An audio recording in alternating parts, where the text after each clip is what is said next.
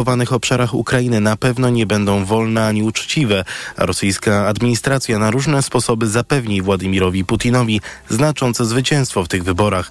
Tak oceniło brytyjskie Ministerstwo Obrony. Jak wskazano w codziennej aktualizacji wywiadowczej, rosyjska Centralna Komisja Wyborcza ogłosiła, że głosowanie w wyborach prezydenckich w marcu przyszłego roku obejmie obwody Doniecki, Ługański, Hersoński i Zaporowski na Ukrainie. W Serbii rozpoczynają się przedterminowe wybory parlamentarne i lokalne wybory samorządowe. Prezydent Aleksander Vucic rozpisał je po masowych protestach społecznych, które wybuchły w reakcji na strzelaniny m.in. w szkole w Belgradzie.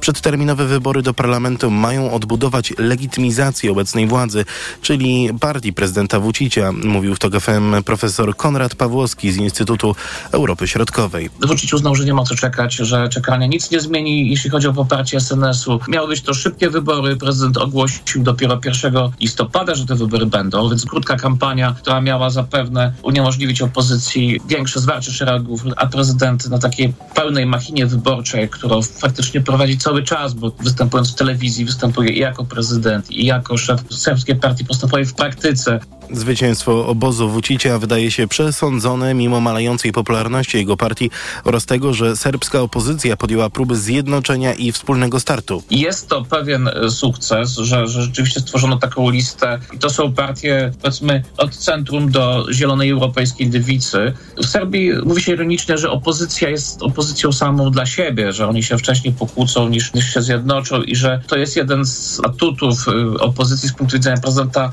Vucicia. Dzisiejsze wybory są czwartymi przedterminowymi wyborami do parlamentu od 2012 roku, kiedy serbska partia postępowa przejęła rządy. Ugrupowanie kontroluje aktualnie wszystkie szczeble władzy na poziomie centralnym, regionalnym oraz lokalnym. Mieszkańcy Sopotu nie mogą doczekać się całodobowej apteki. W kurorcie na prowadzenie nocnych dyżurów nie zdecydował się dotąd żaden farmaceuta, mimo konkretnych zachęt ze strony Urzędu Miasta. Samorząd ma nadzieję, że sytuacja zmieni się po nowym roku. Paweł Radzewicz. Ani dobra lokalizacja, ani proponowany przez miasto najem za symboliczną kwotę nie zachęcił farmaceutów do nocnej pracy. Mieszkańcy kurortu są rozżaleni. Czasem człowiek potrzebuje wieczorem czy w nocy coś kupić, bo zachoruje, to gdzie ma kupić? No a ja właśnie wracam z apteki, bo wszyscy chorują, więc tak, przydałaby się. Izabela Heidrich z Biura Prasowego Urzędu nie ukrywa, że samorząd wiąże nadzieję na rozwiązanie problemu z wchodzącymi w życie od stycznia nowymi przepisami. Musimy je dogłębnie przeanalizować, zobaczyć jakie będą rozporządzenia i wówczas na pewno podejmiemy rozmowy z aptekami. Póki co Sopocianie w pilnych nocnych przypadkach muszą jeździć do aptek w Gdańsku lub Gdyni. Z Trójmiasta Paweł Radzewicz, TOK FM. Za chwilę prognoza pogody, a kolejne informacje w TOK FM o 12.20. Pogoda. W całym kraju dzisiaj zachmurzenie duże na południu i południowym zachodzie będą przybłyski słońca. Temperatura maksymalna od 3 stopni w rejonach podgórskich Karpat, 7 stopni w centrum, do 9 na zachodzie. Wiatr będzie umiarkowany i dość silny zachodni. Radio TOK FM. Pierwsze radio informacyjne. Magazyn TOK FM. Niedzielny magazyn Radia Tok FM, Przemysław Iwańczyk. Kłaniam się Państwu w drugiej godzinie naszego programu, a z nami jest Małgorzata Olasińska-Hart, dyrektorka programu pomocy humanitarnej w Polskiej Misji Medycznej. Dzień dobry. Dzień dobry. Reprezentacja Polskiej Misji Medycznej właśnie wróciła właśnie z monitoringu projektów pomocowych e, w Iraku. Proszę powiedzieć, e, co to, co to oznacza, taki monitoring, e, no i generalnie też przybliżyć nam szczegóły Waszej działalności, o której wielokrotnie mówiliśmy już na naszej antenie w ostatnim czasie. Wszystkie projekty, które prowadzi Polska Misja Medyczna podlegają sukcesywnemu monitoringowi, czyli takiej kontroli postępu w projekcie, zarówno jeżeli chodzi o wydatkowanie powierzonych nam funduszy, jak i progresu w, działa- w działaniach projektowych. No i też końcowej, finalnej ewaluacji. W tej chwili 31 grudnia skończy się pierwszy moduł projektu finansowanego z programu Polska Pomoc w Iraku. To są projekty polegające na dostarczaniu pierwszej pomocy medycznej, czyli organizowaniu takich przychodni w obozach dla uchodźców na terenie Iraku i Kurdystanu. Co zastaliście tam na miejscu? Jak w tej chwili wygląda sytuacja uchodźców? Mieszkają w obozach przez wiele, wiele lat. Jak zmienia się ich sytuacja? Tak naprawdę ta sytuacja jest dość stabilna, mm, czyli tak stabilnie zła, można tak powiedzieć. Y, aczkolwiek gorsza sytuacja jest zawsze w obozach dla przesiedlonych rodzin irackich, czyli takich osób przesiedlonych wewnątrz jednego kraju. To są rodziny irackie, które uciekały ze swoich miast, głównie na terytorium Kurdystanu, który jest autonomiczny wewnątrz Iraku i jest bezpieczny, ponieważ ma swoją armię peszmergów, która broniła dostępu y, ISIS mm, do Kurdystanu. I te obozy powstały w Kurdystanie. Więc te obozy są niestety zawsze w, w gorszym stanie. Uchodźcy mają tam gorsze warunki. Natomiast obozy dla uchodźców z Syrii czyli uchodźców, którzy uciekli z własnego kraju na teren innego kraju, są z reguły y, w lepszym stanie. Tam po prostu przy początku wojny na Bliskim Wschodzie, wojny w Syrii, mm, były uruchomione bardzo duże fundusze ze strony agent ONZ-u i też bardzo dużych y, międzynarodowych donorów. I te, fundusze pozwoliły zbudować te obozy naprawdę mm, tak, z taką perspektywą wieloletniego zamieszkania, czyli są na przykład wyasfaltowane y, uliczki, Domy tych uchodźców są na podmurówkach, często to, są to całkowicie domy zbudowane z pustaków cementowych. Nie ma tam prowizorki, są służby, które sprzątają śmieci. Y, to, to jest po prostu troszkę inaczej. Natomiast ci wewnętrznie przesiedleni Irakijczycy no są w obozach, które są są niestety zaniedbane. Nie ma organizacji, które dbałyby o czystość. E, e, to są z reguły obozy, gdzie uchodźcy mieszkają w namiotach, e, gdzie co roku dostarczamy im na przykład prezent do załatania dziur w dachach tych namiotów przed zimą. To są bardzo trudne warunki. Dobrze, ale ta zła sytuacja dotyczy tylko warunków, czy także sytuacji zdrowotnej? Jeśli tej drugiej, to, to w jakim stopniu jest to, jest to dotkliwe i, i z czym zmagają się ludzie, którzy są w obozach? E, no, tak jak my, a właściwie w dużo wyższym stopniu, jeśli chodzi na przykład o choroby związane z brakiem higieny, yy, cierpią na brak dostępu do lekarza. I projekty Polskiej Misji Medycznej zapewniają im właśnie dostęp do podstawowych yy, specjalizacji lekarskich, czyli do internisty, pediatry, ginekologa. Bardzo trudna sytuacja jest w obozie Hasan Sham, w którym zaczęliśmy pracę w tym roku. To jest obóz znajdujący się tak naprawdę na terenie Iraku, ale będący pod kontrolą Kurdystanu y, w guberni Niniwa. W obozie Hasan Sham mieszka 6 tysięcy przesiedlonych Irakijczyków, 75% to są kobiety i dzieci. I to są osoby, które w rodzinie miały kogoś albo same bezpośrednio były zaangażowane w kontakty z ISIS. E, służby bezpieczeństwa Iraku e, przesłuchiwały członków tych rodzin, przesłuchiwały też e, osoby będące w tym obozie i zostały one zakwalifikowane do takiej grupy potencjalnie niebezpiecznych, w związku z czym zostały zamknięte innymi w obozie Hassan Sham i pozbawione prawa do wszystkiego. Te osoby de facto nie mają dokumentów, które pozwoliłyby im ten obóz opuścić, gdzieś się osiedlić. E, nie mają prawa do publicznej służby zdrowia. E, nie mogą tak naprawdę tego obozu opuścić. To jest obóz, który jest w jakimś sensie więzieniem dla tych rodzin. E, ile razy jestem w Hassan Sham, a byłam tam kilka dni temu, no jestem po prostu bardzo poruszona taką beznadzieją i tkwieniem w takim, takiej perspektywie bez zmian mm, tych ludzi.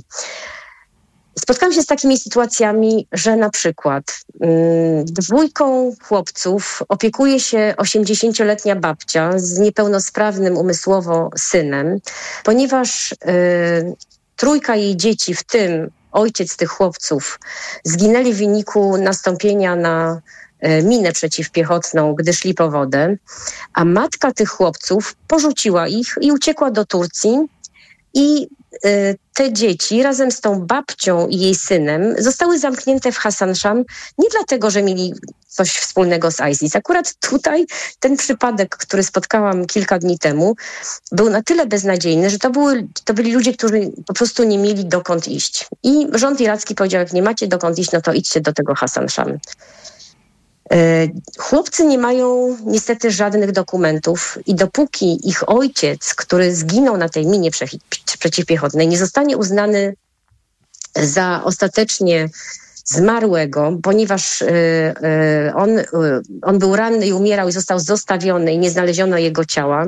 Matka jest w miejscu nieznanym, w związku z czym ci chłopcy de facto nie mają szans otrzymania żadnych dowodów tożsamości, żeby ten obóz opuścić i na przykład móc kontynuować naukę poza szkołą obozową w jakimś innym mieście. No, zajęliśmy się tą sprawą razem z naszym y, oficerem do spraw y, prawnych y, uchodźców w takich obozach. Mamy nadzieję, że uda nam się uzyskać stwierdzenie, że ojciec chłopców nie żyje, a matka się po nich nigdy nie zgłosi. Ci chłopcy dostaną dokumenty. No ale to tak naprawdę powoduje całkowicie wymazanie tych dzieci z systemu, systemu publicznego, jakich, jakichkolwiek służb publicznych w Iraku.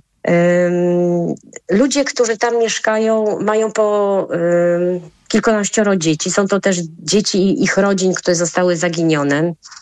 Nie są w stanie z tego obozu wyjść, ponieważ jest im to zabronione. Spotkałam też ojca, który ma od 23 lat problem z nogą, też w wyniku wybuchu jakiegoś y, odłamka w 2003 roku. I ta noga musi być teraz amputowana, ponieważ wdrała się gangrena, on tej nogi nie leczył. No i obóz y, tak naprawdę nie chce, nie chce go wypuścić na tą amputację do szpitala. Więc on z tą nogą siedzi już chyba 8 lat w obozie. No i teraz, dopiero teraz udało nam się przekonać władze obozu, a de facto władze Ministerstwa Zdrowia, żeby pozwoliły temu mężczyźnie na wyjazd z obozu na, na tę amputację, bo jeżeli on tej nogi nie amputuje, no to tak naprawdę no, no czeka go powolna śmierć.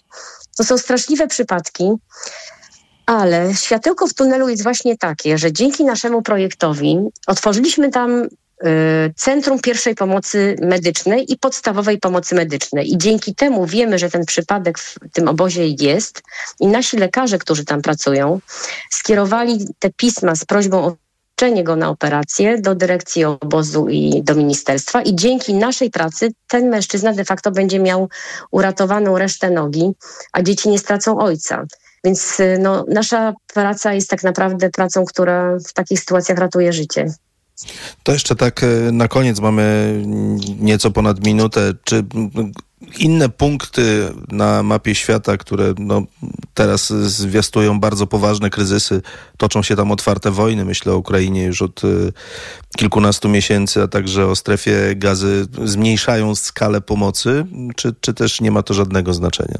Y, jeżeli chodzi o fundusze publiczne, z których y, również korzystamy w projektach właśnie w Iraku czy Jordanii, to oczywiście większość funduszy publicznych y, w pomocy humanitarnej została przeznaczona na projekty pomocowe w Ukrainie. Z państw, które zostały na liście krajów priorytetowych w MSZ dla organizacji takich jak Polska Misja Medyczna, została tylko Jordania i Irak. Ale mamy też inne źródła finansowania i to, że zaczęliśmy pomagać na przykład w gazie, nie oznacza, że ograniczymy naszą pomoc w innych miejscach świata, gdzie sytuacja też jest kryzysowa, czyli takich na przykład jak, e, jak Ukraina czy Wenezuela. Udaje nam się pozyskiwać fundusze też od innych donorów, ale także z wpłat Polaków, którzy naprawdę systematycznie i z olbrzymim sercem i solidarnością wspierają nasze działania. No i dzięki temu nie ograniczamy naszych programów pomocowych, a wręcz przeciwnie, co roku je powiększamy. Musimy kończyć e, naszą rozmowę. Dziękuję bardzo. Była z nami Małgorzata Lasińska-Hart, dyrektorka programu pomocy humanitarnej w Polskiej Misji Medycznej. Do usłyszenia. Dziękuję bardzo. Państwa zapraszamy teraz na informacje. Magazyn TOK FM. Reklama. Teraz w euro świąteczne okazje. Obniżki na produkty objęte akcją. Smartfon Xiaomi Redmi Note 12 Pro Plus 5G. Najniższa cena z ostatnich 30 dni przed obniżką to 1799. Teraz za 1699 zł. I dodatkowo jedna lub aż dwie raty gratis na cały asortyment z wyłączeniem produktów Apple i kodów aktywacyjnych. I do marca nie płacisz. RRSO 0%. Promocja ratalna do 31 grudnia. Regulamin w sklepach i na euro.com.pl Dlaczego wybieramy Witotal dla kobiet? Zawiera aż 23 witaminy i minerały w wysokich dawkach. Witotal dla kobiet kompleksowo wzmacnia organizm. Jod i selen wspomagają prawidłowe funkcjonowanie tarczycy. Nie muszę martwić się celulitem i moją sylwetką. Wyciąg z winogron pomaga utrzymać wagę. Witotal dla kobiet zawiera też wyciąg ze skrzypu polnego, który sprawia, że moje włosy są piękne, a paznokcie zdrowe. Suplement diety Witotal dla kobiet. Więcej niż witaminy. Aflofarm.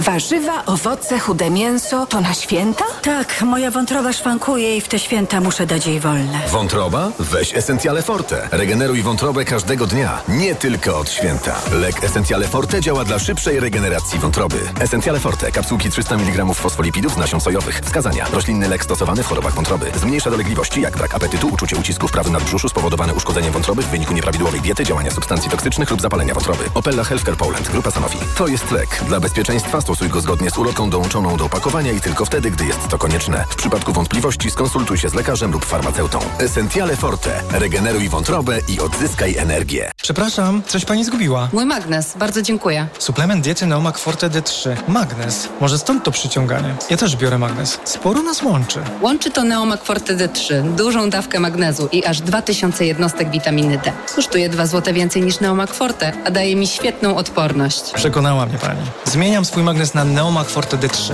To może teraz ja przekonam panią, żebyśmy poszli na kawę. Chyba, że jest pani odporna również na mnie. Neomak Forte D3. Więcej niż magnes. Aflofarm. Marian, jedziemy, gotowy jesteś? Barbara, z naszym nowym wideorejestratorem NextBase z Media Expert to ja jestem gotowy na wszystko. Patrz, ma wbudowany GPS, super rozdzielczość 4K, wygodny dotykowy ekran, no i stabilizację obrazu. No i super, to sobie drogę do mamusi nagramy. Co? Kup teraz w Media Expert wideorejestrator NextBase w super cenie za 899 zł, a do tego 200 zł zwrotu. Więcej w sklepach i na mediaexpert.pl.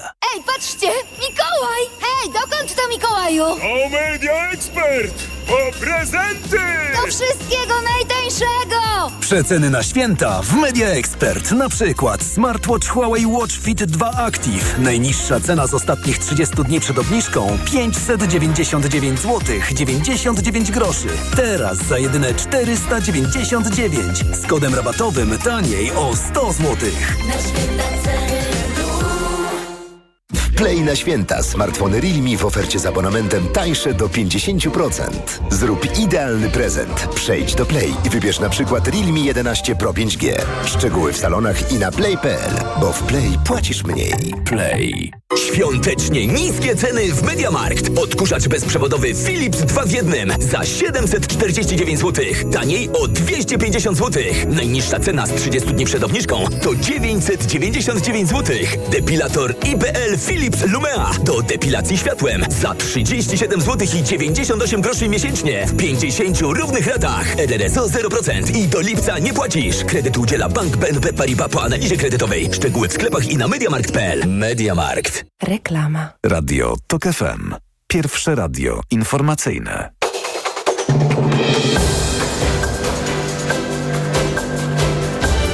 Jest 12.22.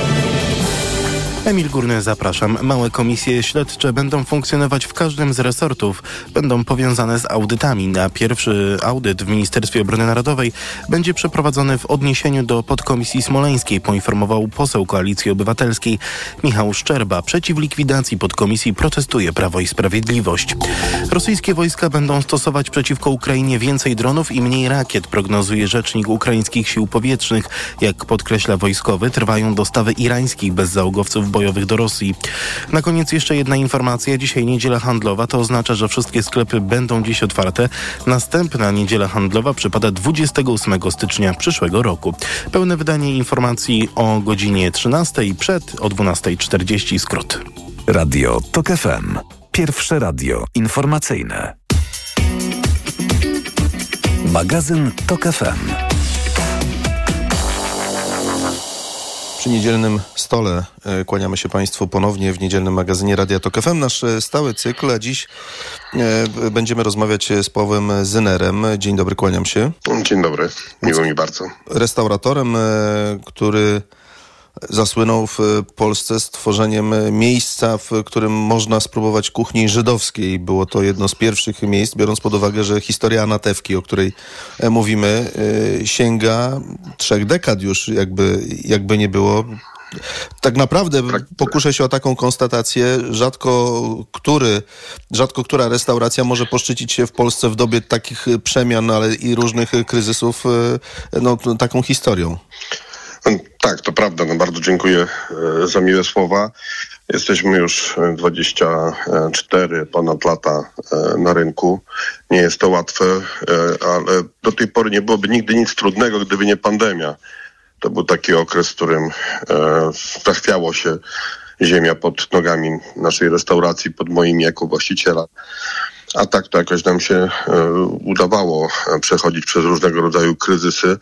Drugim kryzysem zaraz po pandemii to była wojna Rosji na, na terenie Ukrainy, gdzie też początek był bardzo trudny, bo goście po prostu nie potrafili cieszyć się, radować, biesiadować. Odwoływano wtedy wesela, odwoływano wszystko. Także takie dwa ciosy, które gastronomia dostała również odbiły się negatywnie w Anatewce. To a tak poza tym to dziękuję. Jakoś sobie dajemy radę. Mamy tych samych pracowników w kuchni od samego początku. To też jest bardzo istotne. Moje pytanie brzmi, czy są miejsca w Polsce, w których kuchnia żydowska przede wszystkim cieszy się popularnością i uznaniem? No bo Łódź jako miasto na styku wielokulturowości, no, no myślę, że takim miejscem jest na pewno. Ja muszę tutaj troszkę sprostować. My jesteśmy kuchnią łódzkich Żydów, czyli głównie, główne dania menu to są takie tradycyjne dla naszego ukochanego miasta Łodzi, które w czasach Łodzi fabrycznej, Łodzi ziemi obiecanej jadano, ale oczywiście w kierunku bardziej żydowskim niż ogólnym. Na pewno nie mamy wieprzowiny, ale 90% dań z karty są to dania takie bardzo żydowsko-łódzkie. Ja też często powtarzałem, że jak byłem po raz pierwszy, czy tam kolejny raz już w Izraelu, chciałem zjeść karpia po żydowsku, to mnie prowadzono do polskich restauracji wówczas, żebym spróbował. Natomiast w Polsce, odpowiadając na pytanie, Kazimierz w Krakowie jest takim miejscem, gdzie przez dekady już utrzymuje się kuchnia żydowska. Nie ukrywam, że współpracujemy z niektórymi, bierzemy doświadczeniami, się wymieniamy, chociażby z Ariesem I, i, i to jest miejsce takie, które, z którego, które utrzymuje się wiele, wiele lat i pokazuje stricte kuchnię żydowską. A czy kuchnia łódzkich Żydów przewiduje przestrzeganie wszystkich zasad koszerności? Czy gdybyśmy nie, chcieli o tym powiedzieć? Nie, od tego mamy gminę żydowską, z którą jesteśmy zaprzyjaźnieni i tam e, osoby, które są wyznaniowe i które potrzebują zjeść koszarnie, e, mogą sobie spożywać posiłki. E, po pierwsze nie jesteśmy taką właśnie, nie wiem, mocno żydowską restauracją, gdzie by było koszerność, nie mamy tego. E, po drugie, w Polsce utrzymanie restauracji koszarnej jest bardzo, bardzo trudne, ze względu na to, że większość gości przychodzi w piątki i w soboty. Wtedy by musiało być zamknięte. To, to jest, to jest ekonomiczny problem. Jest też wiele problemów związanych z czystym obrządkiem. To jest wykluczenie pewnych potraw, wykluczenie pewnych części kuchni. Bardzo skomplikowany temat. Mamy w, w kuchni, pracują u mnie jedna z kucharek, która pracowała wiele lat jako kucharz kuchni koszernej. Pewnie byśmy potrafili sobie z niektórymi rzeczami poradzić, ale myślę też, że nie ma takiego zapotrzebowania. Osoby jedzące koszarnym pojawiają się bardzo, bardzo sporadycznie. Mogę, jeżeli mogę jeszcze szybko powiedzieć taką anegdotę, kiedyś bardzo młoda uczennica powiedziała, szefie, załatwiłem przyjeżdżając z Warszawy 50 osób koszernych autokarem, będą za parę minut. Ja mówię, Boże, rozpętaliśmy drugą wojnę, trzecią wojnę światową ale w, jak przyjechali, ja mówię, błagam Państwa, proszę wybaczyć mojej pracownicy, ja nie jestem koszerny, ale już dzwoniłem do gminy żydowskiej, e, autokar może tam jechać, mają przygotowane jakieś tam danie dla Was. Oni mówią, nie, proszę, proszę spokojnie, proszę, proszę nic, jakoś zjemy, damy sobie radę, więc goście są też bardzo elastyczni. e, nieraz, nieraz wychodzą z tego wesołe anegdoty. No właśnie, to teraz y, skupmy się na tym, na czym, czym charakteryzuje się łódzka kuchnia żydowska. To, to, to, to przed chwilą z pańskich ust padło i myślę, że warto też przybliżyć, wskazując na, na konkretne dania. Panie redaktorze, to też jest problem, że my jesteśmy 20, praktycznie 5 lat na rynku i goście też wymagają od nas coraz to innych rzeczy. Na początku to było bardzo restrykcyjnie to, co było u łódzkich, u łódzkich Żydów, czyli dosyć słodko, dosyć e, czosnkowo. E, w tej chwili musieliśmy to też e, złagodzić, żeby e, goście byli zadowoleni. Dla nas w mojej restauracji, tak będzie do końca moich dni w restauracji no i tego też uczę mojego syna, e, czy też moją żonę, która ze mną tą restaurację prowadzi, żeby goście byli najważniejsi, to oni mają dobierać taki smak, jak gdyby większością, jaki powinien e, królować u nas w restauracji. Natomiast my słyniemy z drobiu, e, z kaczek, my słyniemy z dobrych mięs. Od pewnego czasu byliśmy troszkę przez gości wyproszeni o to, żeby kupować też owoce morza i ryby, co nie jest w ogóle związane z kuchnią żydowską, ale co jest oczywiście w takich miastach jak Tel Awiw w Izraelu bardzo popularne. E, więc jesteśmy, mamy tą paletę e, bardzo barwną. E, mamy typowe dania, które są stricte z tej kuchni łódzkich Żydów, czyli czulenty. Czulent to jest takie po polsku obraźliwie dla czulentu to jest gulasz. To są dania jednogarnkowe, duszone, czy to są z jagnięciny, wołowiny, czy to będzie też wegański. E, mamy różnego rodzaju kaczki pieczone w piecach opalanych drewnem. Mamy e, karpia po żydowsku, który już wspominałem, że nie do końca jest to po żydowsku, ale takiego w Łodzi jadano i takiego jemy też na święto Bożego Narodzenia wszyscy. E, takim ulubionym daniem moich gości jest są wątróbki gęsie w migdałach i, i w piernikowym sosie na słodko. Także te dania pozostały z przekąsek, śledzie, e, słynny park śledzia vis-a-vis e, pałacu e, Kalmanowicza Poznańskiego. Tam też jadano najczęściej śledzie, były przechowywane w beczkach. Tego typu śledzie właśnie są u mnie w karcie, ale też tatary, które były przez łódzkich Żydów chętnie jedzone. Tak to wygląda. Ponieważ jesteśmy właściwie w przededniu Świąt Bożego Narodzenia, no, które jeśli chodzi o kulinaria kojarzy się z daniami rybnymi. Te, te odmiany śledzia po żydowsku, rozumiem, że one są przygotowywane na, na słodko. Pan ma taką recepturę, Nie. którą może pan zdradzić, a, a, która być może przysłużyłaby się naszym słuchaczom do tego, by podać coś na, na ich świąteczny stół? E, to, to, oczywiście. E, jeżeli chodzi, no, karpia w galarecie słyniemy e, i robimy go e, dla gości, którzy biorą na swój własny stół wigilijny naprawdę w setkach, jeżeli nie w tysiącach sztuk. Ale jeżeli chodzi o śledzie, e, to mamy aż pięć rodzajów śledzia w karcie. Nie wszystkie są słodkie, bo niektóre są po prostu w oleju. Jest to bardzo istotne, jak długo się taki śledź tak zwanie moczy, jak, jak długo leżakuje, skąd pochodzi śledź, jaki jest rodzaj śledzia, jakiej grubości, jakiej mięsistości. My kupujemy śledzie najczęściej spoza kraju, kupujemy z Finlandii. E, one gwarantują nam wysoką jakość. Natomiast takim fajnym śledziem jest śledź po królewsku, my go nazwaliśmy. On jest cynamonem, rodzynkami i migdałami. I najpierw przyrządzamy szybko w oleju e, taką jak gdyby mieszankę tych, e, tych trzech rzeczy, czyli troszkę e, kory cynamonowej, troszkę, troszkę rodzynków, troszkę e, migdałów. To niech sobie poleżakuje około dwóch dni. Następnie dobry matyjasz śledziowy i wkładamy kolejne dwa dni, niech sobie to marnuje się. Myślę, że taki śledź na stole wigilijnym będzie bardzo smaczny. Być może wielu naszych słuchaczy nie wie, czym jest gęsi pipek, a więc takie sztandarowe danie e, polskich restauracji żydowskich. Gdyby pan zechciał opowiedzieć o, historii tego dania. Gęsi pipek to jest żołądek gęsi e, we własnym e, sosie. Jest po prostu czystym żołądkiem. Jedyną jego jak gdyby utrudnieniem zrobienia to jest powolne gotowanie. E, najlepiej, no, tak jak dawniej babcie to robiły na gazie tak zwanej, czyli kupujemy zwykłą gazę, w aptece i, i przyprawiamy wodę różnymi e, liściami laurowymi, e, pieprzami, solami, to już jest jak gdyby troszkę nasza tajemnica. W ten sposób parujemy e, ten gęsi pipek, a później stworzymy sosik i podajemy to z pieczywem. Bardzo pyszne danie. E, Mieliśmy przez wiele lat w karcie również e, gęsią szyjkę faszerowaną. To jest najbardziej takie żydowskie, fajne danie, gdzie można spotkać nie tylko w Polsce, ale i w Nowym Jorku, w restauracjach żydowskich, czy właśnie w Izraelu.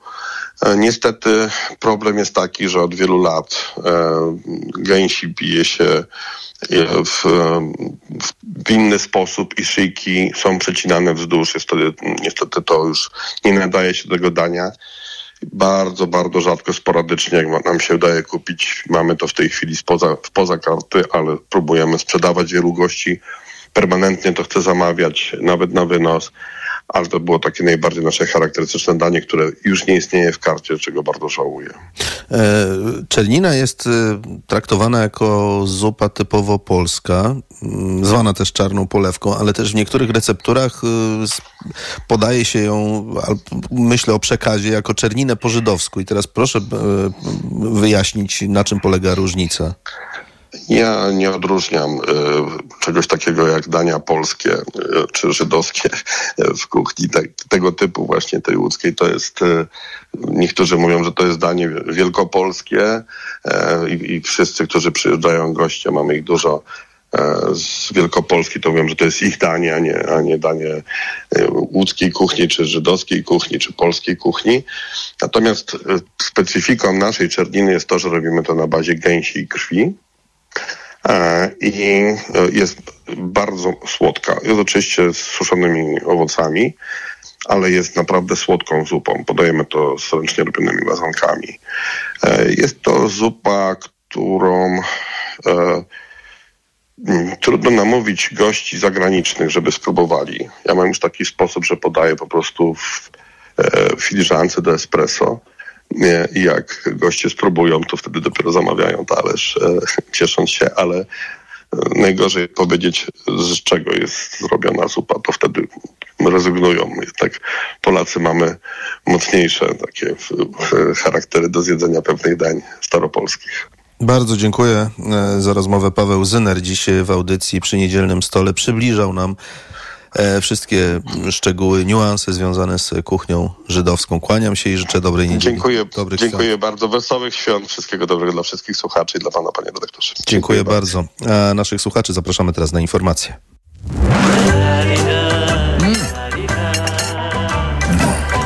Przy niedzielnym stole. Reklama. Teraz w euro świąteczne okazje. Obniżki na produkty objęte akcją. Odkurzacz pionowy Dyson V8 Absolut. Najniższa cena z ostatnich 30 dni przed obniżką to 1899. Teraz za 1649 zł. I dodatkowo jedna lub aż dwie raty gratis na cały asortyment z wyłączeniem produktów Apple i kodów aktywacyjnych. I do marca nie płacisz. RRSO 0%. Promocja ratalna do 31 grudnia. Regulamin w sklepach i na euro.com.pl. Co można kupić za 40 groszy? Dwie kostki czekolady, pół jajka albo dzienną porcję witamin i minerałów, bo tylko tyle kosztuje jedna tabletka ActiVitaminer Senior D3. Suplementy diety ActiVitaminer Senior D3 to witaminy i minerały wzbogacone aż o 2000 jednostek witaminy D3, tak potrzebnej jesienią i zimą. ActiVitaminer Senior D3 znajdziesz w swojej aptece w bardzo dobrej cenie. Witamina D pomaga w prawidłowym funkcjonowaniu układu odpornościowego. Aflofarm. Więcej na vitaminer.pl.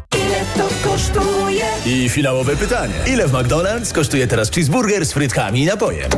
10 złotych. Tak jest! Odkryj Hit Maka, a w nim m.in. cheeseburger z małymi frytkami oraz małym napojem za 10 zł. Tańsze prezenty. Tak, tańsze prezenty! Prezenty! Tańsze? Mmm, pyszności. Tańsze kreacje! Ale czy to jeszcze możliwe? Tak! Z apką Credit Agricole wygodnie bankujesz i łapiesz super rabaty na zakupy. Więc na co dzień płacisz mniej w tysiącach miejsc w Polsce. Pobierz już dziś CA24 Mobile. Aplikację pełną korzyści. Korzystaj z rabatów w CA24 Mobile przy płatności kartą kredytową lub kartą do konta i mobilnie w punktach sprzedaży naszych partnerów. Szczegóły na crediagricole.pl i w aplikacji. Czy wiesz, co tarczyca robi dla ciebie? Dba o kondycję włosów i skóry. Pomaga utrzymać prawidłową wagę. Zapobiega zmęczeniu i w ogóle wspomaga gospodarkę hormonalną. A co ty robisz dla tarczycy? Stosuję endokrinol. Suplement diety endokrinol zawiera m.in. jod i selen, które wspierają prawidłowe działanie tarczycy. Tarczyca dba o mnie, a endokrinol dba o tarczycę. Endokrinol. W trosce o tarczycę. Aflofarm. Febrisan na grypę i przeziębienie. Febrisan na katar i gorączkę. Febrisan na ból gardła i głowy. Febrisan. Wszędzie Febrisan. I dobrze, gdy przeziębienie wywraca życie do góry nogami, to on stawia na nogi. Febrisan przywraca codzienną równowagę. To jest lek. Dla bezpieczeństwa stosuj go zgodnie z ulotką dołączoną do opakowania. Zwróć uwagę na przeciwwskazania. W przypadku wątpliwości skonsultuj się z lekarzem lub farmaceutą. Febrisan. Jedna saszetka 5 gramów proszku zawiera 750 mg paracetamolu, 60 mg kwasu łaskowego i 10 mg chlorowodorku fenefryny. Wskazania. Krótkotrwałe leczenie objawów przeziębienia i grypy takich jak gorączka, dreszcze, katar głowy, mięśni, gardła, Podmiot odpowiedzialny. Healthcare AS. Wyobraź sobie, że w środku zimy rozgrzewają cię gorące promocje. Albo nie wyobrażaj sobie, bo w Żabce codziennie odmrażamy nowe promki. Tylko dziś kupując opakowanie lodów Milka lub Oreo 480 gramów, drugie za złotówkę. Promocja z aplikacją Żabka. Uwolnij swój czas. Teraz w euro świąteczne okazje. Obniżki na produkty objęte akcją. Smartfon Xiaomi Redmi Note 12 Pro Plus 5G. Najniższa cena z ostatnich 30 dni przed obniżką to 1799. Teraz za 1699 zł. I dodatkowo jedna lub aż dwie raty gratis na cały asortyment z wyłączeniem produktów Apple i kodów aktywacyjnych. I do marca nie płacisz. RRSO 0%. Promocja ratalna do 31 grudnia. Regulamin w sklepach i na euro.com.pl Reklama. Radio TOK FM. Pierwsze radio informacyjne.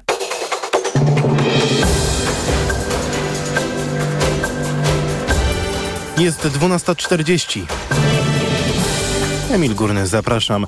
To, co niemiecki kanclerz Olaf Scholz zrobił na szczycie Unii, aby usunąć groźbę węgierskiego weta, przejdzie do historii jako akt niemieckiego przywództwa w interesie Europy, powiedział minister spraw zagranicznych Ukrainy Dymitro Kuleba dziennikarzowi Bild. Scholz poprosił premiera Węgier Viktora Orbana o opuszczenie sali na czas podejmowania decyzji o rozpoczęciu rozmów akcesyjnych z Ukrainą, co umożliwiło głosowanie w interesie Ukrainy. Na północy kraju od Koszalina po Puck ostrzeżenia pierwszego stopnia przed silnym wiatrem są ważne do jutra. Miejscami ma wiać w porywach do 85 km na godzinę. Do północy natomiast alerty pierwszego stopnia obowiązują przed roztopami w Karkonoszach i Kotlinie Kłodzkiej. Były zastępca sekretarza stanu Stolicy Apostolskiej został skazany na 5,5 roku więzienia przez Trybunał Państwa Watykańskiego. To wyrok w procesie w sprawie nieprawidłowości finansowych. Obrona włoskiego kardynała zapowiedziała złożenie apelacji i podkreśliła, że jest on niewinny. Pełne wydanie informacji w TOK FM o 13. Radio TOK FM. Pierwsze radio informacyjne. Jak z dzieckiem? Jak z dzieckiem to nasz stały cykl w niedzielnym magazynie Radia Tok FM. Przemysław Iwańczyk, kłaniam się i zapraszam na rozmowę z panią Żanetą Rachwaniec z Wydziału Psychologii w Katowicach Uniwersytetu SWPS. Dzień dobry. Dzień dobry. Dziś porozmawiamy o tym, jak reagować na sytuacje stresowe u dzieci, których jest coraz więcej. Chociaż nie ma, nie wiem, czy pani to potwierdzi, czy nie, takiej miary, dzięki której moglibyśmy się przekonać, czy życie młodych jest coraz bardziej stresujące, a co za tym idzie, być może w niektórych sytuacjach młodych ludzi przerasta. To tak tytułem wstępu, ale przede wszystkim chciałbym, żeby popłynęła z naszej rozmowy konkluzja, jak postępować z dzieckiem, które po prostu źle się czuje, ma prawo do tego, by, by powiedzieć o tym wprost. Żyję w środowisku, które mnie stresuje.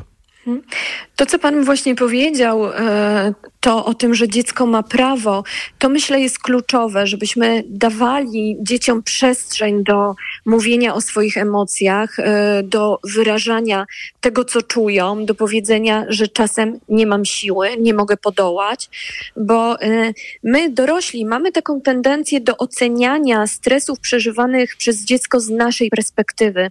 Ja pracując w gabinecie, no bo jestem też psychoterapeutką, spotykam się z takimi sytuacjami, kiedy na przykład rodzic przyprowadza dziecko i mówi, że dziecko skarży się na stres, a jaki on może mieć stresy? Przecież on tylko ma zaliczać klasówki i że jeszcze mówi, że go dziewczyna rzuciła i jaki to jest dramat, przecież to nie jest ostatnia dziewczyna w jego życiu.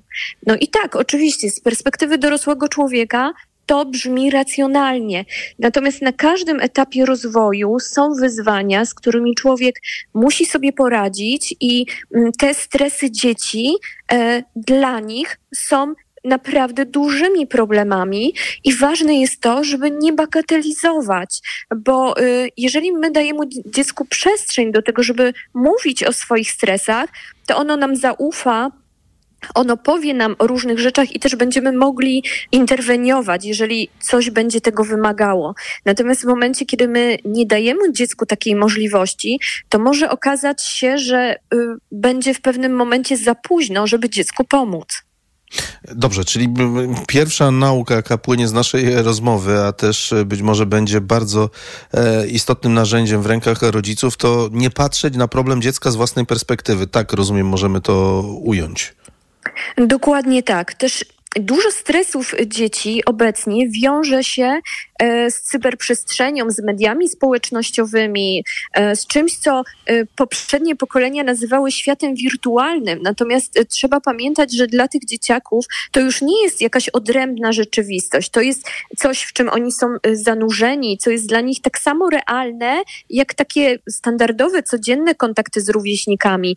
I coś, co się dzieje w sieci, że na przykład, nie wiem, ktoś kogoś obraził, E, czy wykluczył, czy jakoś negatywnie skomentował w mediach społecznościowych, również bywa mm, przez dzieciaki bardzo mocno przeżywane i staje się taki, taką przyczyną e, na przykład zachowań samouszkadzających, czy nawet podejmowania prób samobójczych. A proszę mi powiedzieć, czy z punktu widzenia specjalistki, e, my dorośli mamy narzędzia, które pozwalałyby stwierdzić, czy źródło stresu jest krótkotrwałe, a co za tym idzie kryzys w życiu dziecka też jest krótkotrwały, czy może jest to coś poważniejszego, bo no, stres permanentny, który nakłada się na siebie w dłuższym e, okresie, no, może nieść bardzo zgubne, takie degradujące skutki. Jak rozróżnić coś, co nawet z naszego punktu widzenia jest e, być może błahostką, a, a czymś bardzo poważnym?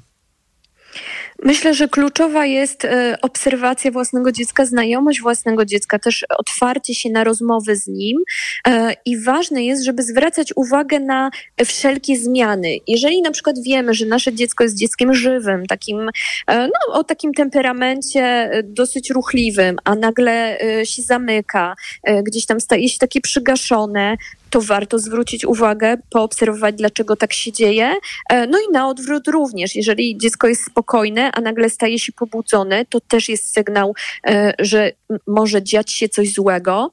E, też warto zwracać uwagę na wszystkie takie sygnały płynące z ciała dziecka, na wszelkie, nie wiem, skargi na dolegliwości psychosomatyczne, bóle głowy, jakieś ból żołądka, nudności, problemy ze snem, bo im mniejsze dziecko, tym większe jest ryzyko i prawdopodobieństwo, że mm, no, jego problemy pójdą w taki obszar somatyczny, bo dzieci jeszcze nie mają umiejętności takiego mówienia wprost o problemach. One zaczną to odchorowywać. Nasze dziecko może zacząć na przykład unikać szkoły, unikać rówieśników. To są wszystko zmiany, które e, powinny być alarmujące i powinny zmotywować rodzica do tego, żeby e, więcej czasu dziecku poświęcić lub na przykład poszukać pomocy psychologicznej czy psychoterapeutycznej. Ale ja pójdę dalej, bo mm, rodzic y, w swojej bezradności y, istotnie może, a nawet powinien zdawać się na pomoc specjalistów. Przy czym jak zrobić to, by nie było to źródłem dodatkowego stresu dla dziecka. Informacja, wybieramy się wspólnie do psychologa, być może dla wielu y, dzieciaków będzie sygnałem, ze mną naprawdę jest coś nie tak. Ważne, żeby y, nie dawać takiego wrażenia dziecku, że to jest jakaś kara. E, żeby też porozmawiać, jeżeli dziecko jest mniejsze, no to oczywiście wytłumaczyć, czym się psycholog zajmuje, e, po co, w czym on nam może pomóc. Ja też obserwuję takie zjawisko chociażby w szkołach, gdzie jak jest psycholog szkolny, to mówi się za karę pójdziesz do pani psycholog na przykład. E, I dzieci są ale, wręcz ale proszę, straszone. wejdę pani w słowo. Musi pani przyznać, że jest to jedna z pedagogicznych sankcji, tak? Praca z psychologiem dla kogoś y, trudnego, dla kogoś, kto zawinił i dla kogoś, kto musi ponieść karę. Tak, tak się to utarło e, w polskich szkołach, natomiast e, właśnie powinniśmy dążyć do tego, żeby było inaczej, żeby ten zawód psychologa e, odczarowywać, że to jest taki rodzaj pomocy, tak naprawdę jak każdy inny specjalista. Nie wiem, jak boli nas ząb, to idziemy do stomatologa, i nie zastanawiamy się, czy to wypada i czy to jest kara i e, dlaczego tak się dzieje, tylko po prostu uznajemy, że to jest człowiek, który posiada kompetencje, żeby nam pomóc. Więc warto w tym kierunku też dziecku, e, dziecku to wytłumaczyć. I też e, ważna jest tutaj postawa rodzica, jak rodzic e, współpracuje z psychologiem, bo często jest takie nastawienie, że, że rodzice przychodzą i tak jakby trochę proszę naprawić moje dziecko. E, a ważna jest praca systemowa, praca z całą rodziną, no bo dziecko w tym najważniejszym środowisku funkcjonuje i tam powinno mieć wsparcie przede wszystkim. Um, dobrze, ja wobec tego y, pójdę troszeczkę pod prąd. Wielu dorosłych uważa, że stres y, jest no, taką immanentną częścią naszego życia, więc dzieci też powinny na ten stres się uodparniać.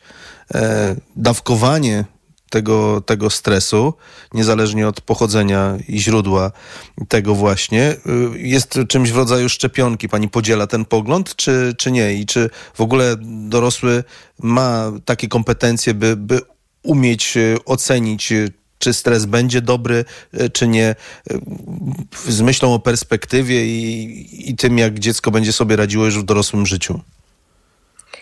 Na pewno mitem jest tak zwane bezstresowe wychowanie, no bo życie jest y, po prostu stresujące momentami i nie da się y, dziecku tego stresu całkowicie y, wyłączyć i nie da się udawać, że stresory nie istnieją. Ale też utopią, ale przepraszam, wejdę strony... pani słowo, żeby oprzeć się hmm? na przykładzie, ale też utopią jest, nie wiem, wysyłanie czterolatka samego do przedszkola ze, z kluczem na, na szyi, prawda?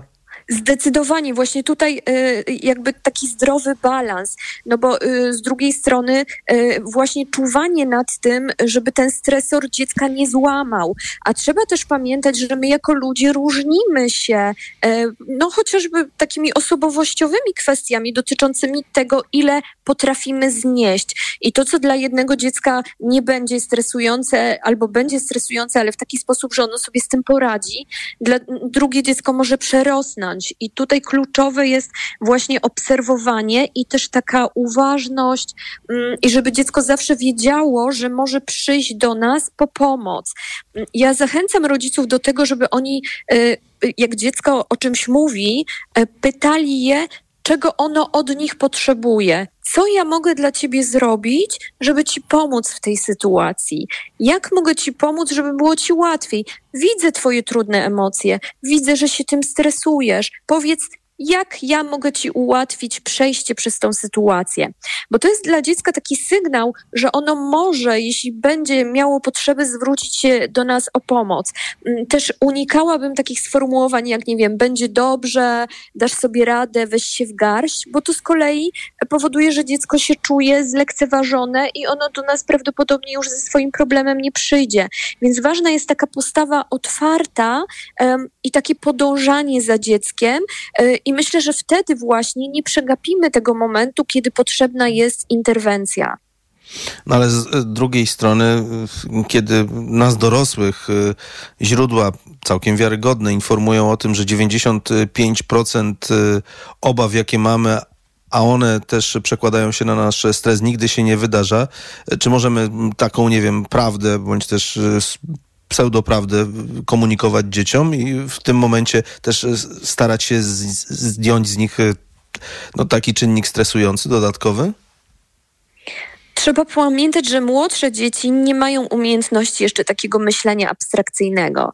E, one tego nie zrozumieją. Dla nich to, co przeżywają aktualnie, e, nie, nie potrafią sobie tego odciąć od, od tego, że, że to się nie wydarzy, czy że kiedyś będzie inaczej.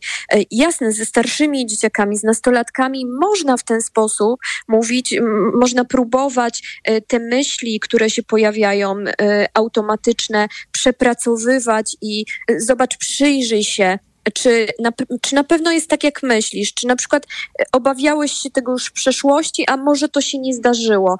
Albo przypomnij sobie, spróbuj sobie przypomnieć, co ci pomogło wcześniej w takiej sytuacji. Kiedy na przykład stresowałeś się, nie wiem, klasówką, co ci pomogło stresować się mniej. Szukamy, zachęcamy do tego, żeby dziecko y, szukało i y, identyfikowało zasoby, jakie posiada, żeby sobie poradzić w sytuacji stresowej. Czyli krótko mówiąc, y, ten stres trzeba racjonalizować. A najlepiej, kiedy dorosły robi to razem z dzieckiem, a nie daje tę przestrzeń tylko dziecku. Tak, my jesteśmy takimi najważniejszymi modelami dla naszych dzieci. Jeżeli dziecko widzi, że my sobie z tym stresem w jakiś sposób nie radzimy, mm, albo radzimy sobie y, w sposób taki niesprzyjający, czyli nie wiem, sięgamy po alkohol, czy jest, stajemy się agresywni, czy w jakikolwiek inny sposób, to to dziecko nie nauczy sobie y, radzić w swoich sytuacjach. Natomiast kiedy ono widzi, że mm, jak jest y, stres, można o tym porozmawiać, można wspólnie się zastanowić, jak sobie z tym poradzić, to ono się uczy właśnie od nas. E, zakładając, oczywiście, przyjmując ten e, to kryterium, że każdy z nas jest inny, że jest to bardzo osobnicze, czy jest taki wiek, do którego dziecko stresu nie odczuwa, czy, czy, czy, czy właściwie każdy od narodzin już y, musi mierzyć się z takimi czynnikami stresującymi, środowiskowymi? Zdecydowanie od narodzin, bo przecież na przykład wzorce przywiązania, które się kształtują e, na bardzo wczesnym etapie życia, one się kształtują w oparciu o to, że na przykład dziecko przeżywało stres związany ze sposobem, w jaki zajmowali się nim rodzice, nie wiem, z jakimś odrzuceniem. Też nieprzypadkowo y, opieka nad dziećmi, y, które zostały adoptowane jest dużo trudniejsza, bo one mimo czasem bardzo, bardzo wczesnego wieku, kiedy e, trafiły do innej rodziny, już ten ładunek stresu zostały, który się zapisuje w naszej takiej historii emocjonalnej, zapisuje się w ciele. Mm, na koniec, gdybyśmy, gdyby zechciała Pani podsumować naszą e, rozmowę, powinniśmy przede wszystkim dojść do wniosku, że rodzic chyba nie jest e, wystarczająco kompetentny, dorosły nie jest wystarczająco kompetentny, e, żeby no, dziecku mówić, stawiać te granice, gdzie powinno się stresować, a gdzie, a gdzie nie. I, I tutaj ta wizyta u specjalisty, ewentualnie w sytuacjach, które nas e, dorosłych przerastają, jest chyba nieodzowna. Myślę, że tak, że najważniejsze jest właśnie zachowanie czujności, e, bo wtedy mamy pewność, że zareagujemy właściwie i we właściwym momencie. I często też ten specjalista pomaga rodzicowi e, też zracjonalizować sobie to, co się dzieje. E, więc ważne jest, żeby się nie zamykać i nie unikać tego wtedy, kiedy jest to potrzebne. Bardzo dziękuję pani za rozmowę. Żaneta Rachwaniec była z nami z Wydziału Psychologii w Katowicach Uniwersytetu SWPS. Dziś rozmawialiśmy o tym, jak reagować na sytuacje stresowe u dzieci. Myślę, że w tej kwestii pytań nigdy dość. E, miłej niedzieli pani życzę, a państwa zapraszam na informacje. Dziękuję bardzo. Jak z dzieckiem? Reklama. Teraz w euro. Jedna lub aż dwie raty gratis na cały asortyment z wyłączeniem produktów Apple i kodów aktywacyjnych. I do marca nie płacisz. RRSO 0% do 31 grudnia. Szczegóły i liczba rat dla każdego wariantu w regulaminie w sklepach i na euro.com.pl. Wielka wyprzedaż Fiata Professional ruszyła. Przyjdź do salonu i wybierz jeden z najlepiej sprzedających się samochodów dostawczych w Polsce. Teraz gama Fiata Professional z wyprzedażowymi rabatami aż do 27 tysięcy złotych netto i w promocyjnym leasingu dla firm od 102%. Poznaj szczegóły u doradców handlowych Fiata Professional, docenionych w wielkim teście salonów Autoświata 2023 za wysoką jakość obsługi. Sprawdź ofertę w najbliższym salonie lub na fiatprofessional.pl. Znowu dopadła Cię infekcja i nie wiesz co robić? Kluczowe jest działanie na przyczynę choroby. Dlatego weź lek przeciwwirusowy Neozine Forte. Tabletki Neozine Forte pomagają zwalczać wirusy i wspierają odporność. Neozine Forte przeciwko wirusom, przeciwko infekcji. To jest lek. Dla bezpieczeństwa stosuj go zgodnie z ulotką dołączoną do opakowania. Nie przekraczaj maksymalnej dawki leku. W przypadku wątpliwości skonsultuj się z lekarzem lub farmaceutą. 1000 mg inozyny. Wspomagająco u osób o obniżonej odporności w przypadku nawracających infekcji górnych dróg oddechowych. Aflofarm. Co robimy? Richer powraca na Prime Video. Jak za starych dobrych czasów. Potężniejszy, bardziej gniewny i śmielszy niż kiedykolwiek. Musiałeś mu tak mocno przywalić? Nie bije lekko. Oglądaj teraz. Tylko na Prime Video.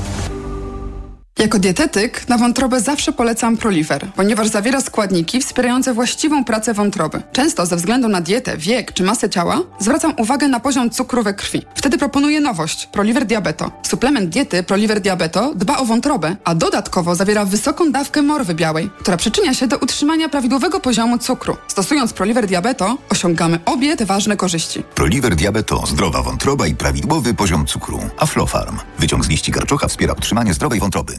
Nowe wysokie obcasy ekstra z Kasią Smutniak na okładce. Temat numeru. Przyjaciele to nowa rodzina. A także Katarzyna Bondań przyjaźni się z mężczyznami, a Anna Dymna potrafi przeżyć wszystko. Nowe wysokie obcasy ekstra. Już w kioskach. Co teraz dawać dzieciom na odporność? Sama zobacz. Rutina CA Junior Plus. Syrop dla dzieci wzbogacony o czarny bez i cynk. To naprawdę bogaty skład. Teraz jak znalazł. Spójrz, witamina C i cynk wspomagają układ odpornościowy, a czarny bez dodatkowo wspiera układ oddechowy. Dlatego dzieci codziennie dostają właśnie Rutina C Junior Plus, by wspomagać ich zdrowie. To już wiem. Co teraz będzie brał mój Krzyś? Suplement diety Rutina CA Junior Plus. Wzbogacona o czarny bez i cynk. Odporność na potęgę. Aflofarm. Marian, ty wiesz jak działają w Media Expert te multirabaty na święta? No, na kupowanie prezentów super działają. No posłuchaj, Barbara. Drugi produkt w promocji masz 30% taniej, lub trzeci 55%, lub czwarty 80%, lub rewelacja, piąty produkt za złotówkę.